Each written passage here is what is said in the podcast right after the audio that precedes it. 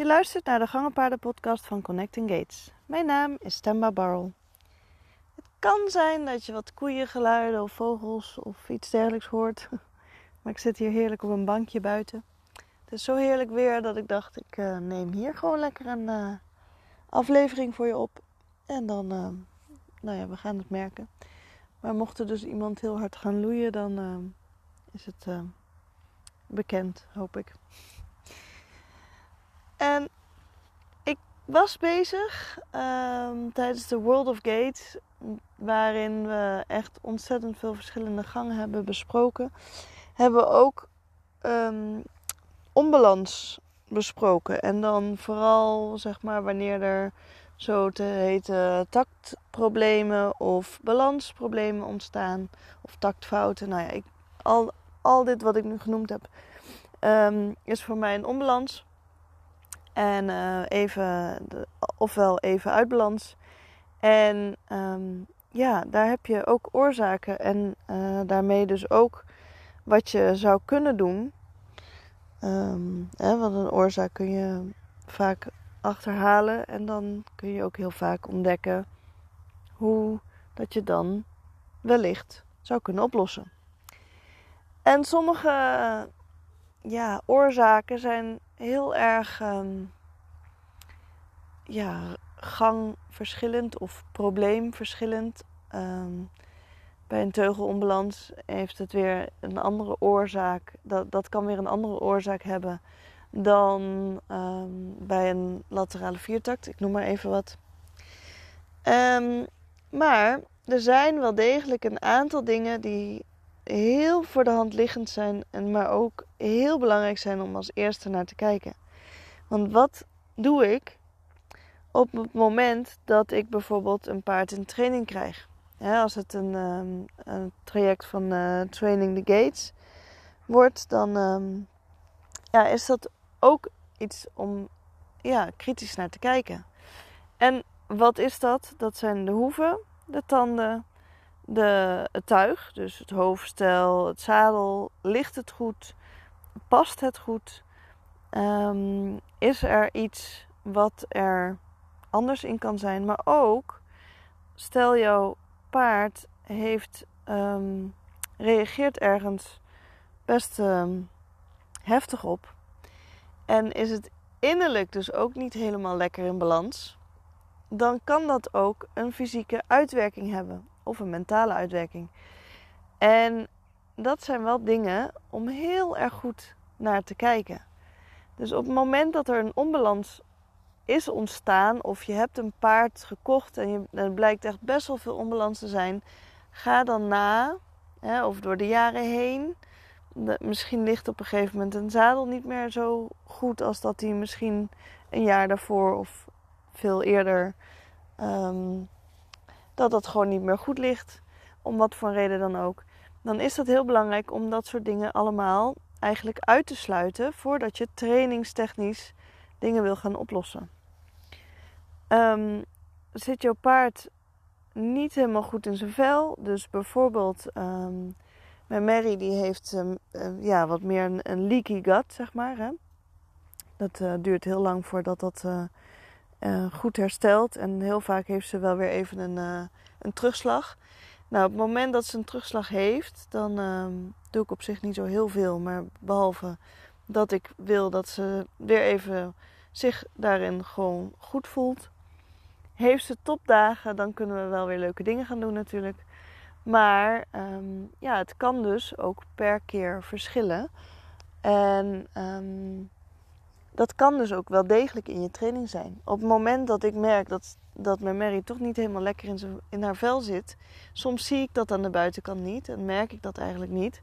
En op het moment dat ik dan aan het uh, werken ben en trainen ben en een beetje aan het spelen ben met haar, dan kan het best zo zijn dat ik ineens merk: Goh, maar wat hou je jezelf vast en wat ben je stijf? En, nou ja, dat kan dus zo zijn dat of ze heeft een blokkade ergens in haar lijf, een fysieke blokkade, wat door een osteopaat of een chiropractor misschien nagekeken moet worden. Maar ook dan wil ik altijd weten wat dan de mogelijke oorzaak is, waarom dat zich daar vastzet. Want heel vaak heeft dat met een orgaan of iets dergelijks te maken. Um, zo hebben we aan de hand van een osteopaat um, hebben gekeken waar dat het paard vast zat. En toen um, was het in verbinding met de maag. Nou, en toen bleek dat er best wel wat symptomen waren die heel vaag waren, maar die toch een kleine aanduiding hadden op mijn maagsfeer. En ja, met een maagsfeer moet je niet uh, direct willen gaan, uh, gaan trainen. En uh, is het wel allemaal hele waardevolle informatie wat er dan allemaal ontstaat. Dus ook met zo'n onbalans. In dit geval was het heel anders, had het niet met onbalans te maken. Maar mijn Mary bijvoorbeeld, die uh, kan heel duidelijk ineens uh, enorme laterale viertakt hebben. Terwijl ik weet dat ze heel erg goed zuivere viertakt kan lopen. En zo ga je eigenlijk alles na. Um, op het moment dat er um, knieën op slot slaan, heb ik nu inmiddels uh, geleerd dat het mogelijk zelfs uitwerking heeft in de mond. En um, nou was dit wel een heel extreem uh, geval, om het maar even zo te zeggen, patiënt. Um, wat ik niet wist van tevoren. En um, nou ja, dat werd pas duidelijk op het moment dat er uh, naar de tanden gekeken werd. Van ja, waarom uh, gebeuren er dingen? En onder andere dus waarom dus die tanden dus of niet de tanden, maar waarom er dus zo, zoveel problemen, fysieke problemen waren. En ja, ik had de link nog niet helemaal gelegd om in de mond te gaan kijken. Maar toen bleek dat hij al heel lang niet meer gedaan was en bekeken was. En um, nou ja, zodoende hebben we hem ook laten behandelen door een tandarts. En die was heel blij met het feit dat hij daarin iets, dat ze iets kon doen, aangezien het een best wel um, ja, grote issue bleek te zijn voor het paard. En uh, hij had ook een soort, ja, de, de stand van zijn tanden en kiezen waren dusdanig dat hij zichzelf op slot kon zetten en dus eigenlijk heel erg slecht at. Aan de buitenkant, als ik hem zag eten, zag ik er niet zoveel aan. Ik zag niet eens dat hij aan het compenseren was of iets dergelijks. Maar hij was daar dus danig mee bekend dat hij dat nou ja, op zijn manier allemaal deed.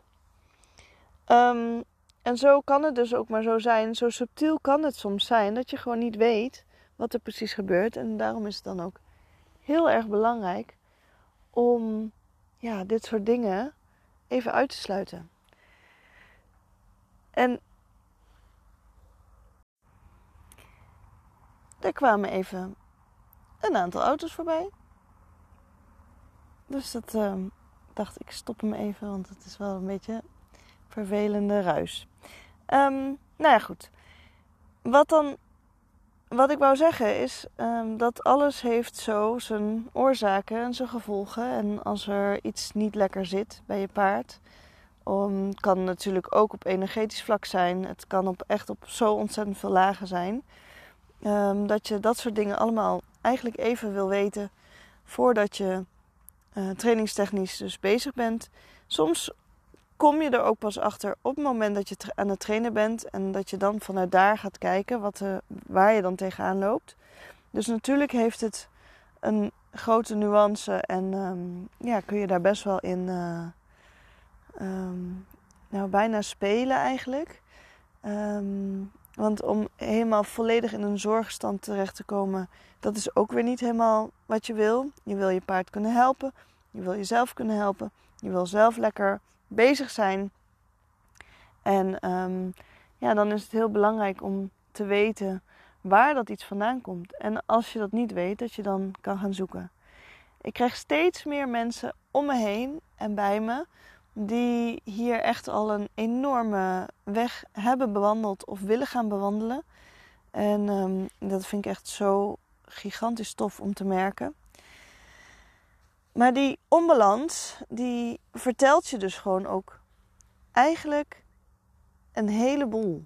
En um, heel vaak wordt een onbalans gezien als dat er iets uh, uh, gewoon bij het paard niet klopt en dat hij het misschien moet leren of hij moet er even doorheen. Of uh, ja, daar kan, daar kan echt zo. Er zijn zoveel oorzaken die iets kunnen um, teweeg kunnen brengen. Uh, dat het gewoon heel belangrijk is om echt goed naar te kijken.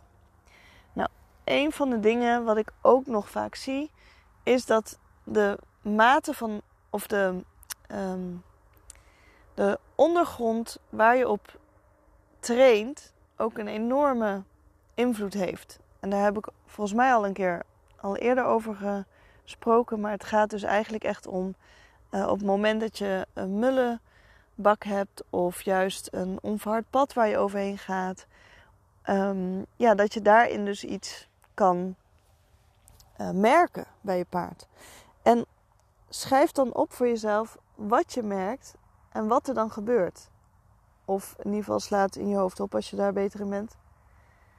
Want dat zijn bruikbare, fijne dingen om te willen weten.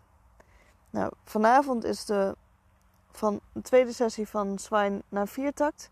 En daarin, um, in dat programma, gaan we uiteindelijk ook nog hier veel uitgebreider over in en over door. En dat we dan ook echt even alle um, mogelijke oplossingen kunnen aanstippen en aanhalen. Um, maar ja, ik dacht, dit is wel echt zo interessant ook voor jou om hierin te weten wat de oorzaak kan zijn waarom er een, een, onbalans is. En dat kan dus buiten het paard zijn, het kan juist ook innerlijk zijn. Een combinatie van alles kan natuurlijk ook zo zijn.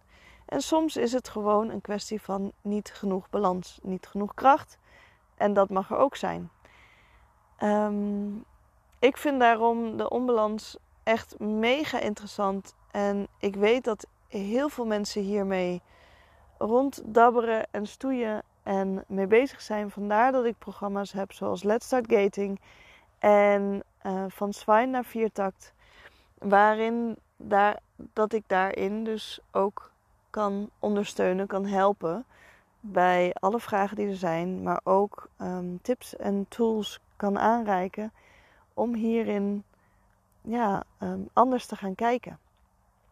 En dus naar de oplossing te kunnen gaan zoeken. Maar dat kan alleen als je de oorzaak weet. Dus ga eens na wanneer er bepaald onbalans ontstaat. Want soms is het alleen maar op bepaalde stukjes. Soms is het een en al onbalans. Nou, dat is ook interessant. Um, misschien is er ook iets wat je al heel lang op de plank hebt liggen. Van, oh ja, daar heb ik al heel lang niks meer mee gedaan.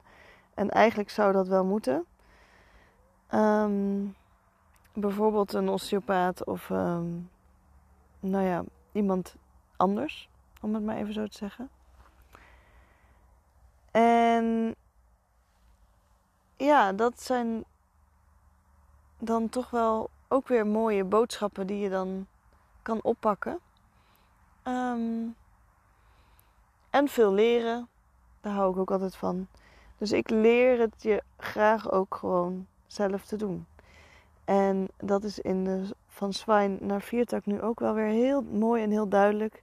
Soms hebben mensen genoeg aan echt net één of twee tips en kunnen ze alweer zulke gigantische stappen vooruit zetten. Het is ongelooflijk mooi om te zien um, ja, wat dat doet en hoe dat werkt voor ze. En voor mensen überhaupt. Want ik bedoel, ik herken dat ook. um, soms zie je het niet zelf. Soms um, uh, ontbreekt er net even een, uh, ja, een andere visie, om het maar heel even zo te noemen. En dit alles maakt het zo super mega leuk en interessant om bezig te zijn met uh, zo'n groep mensen en alle input die daarvan uitkomt.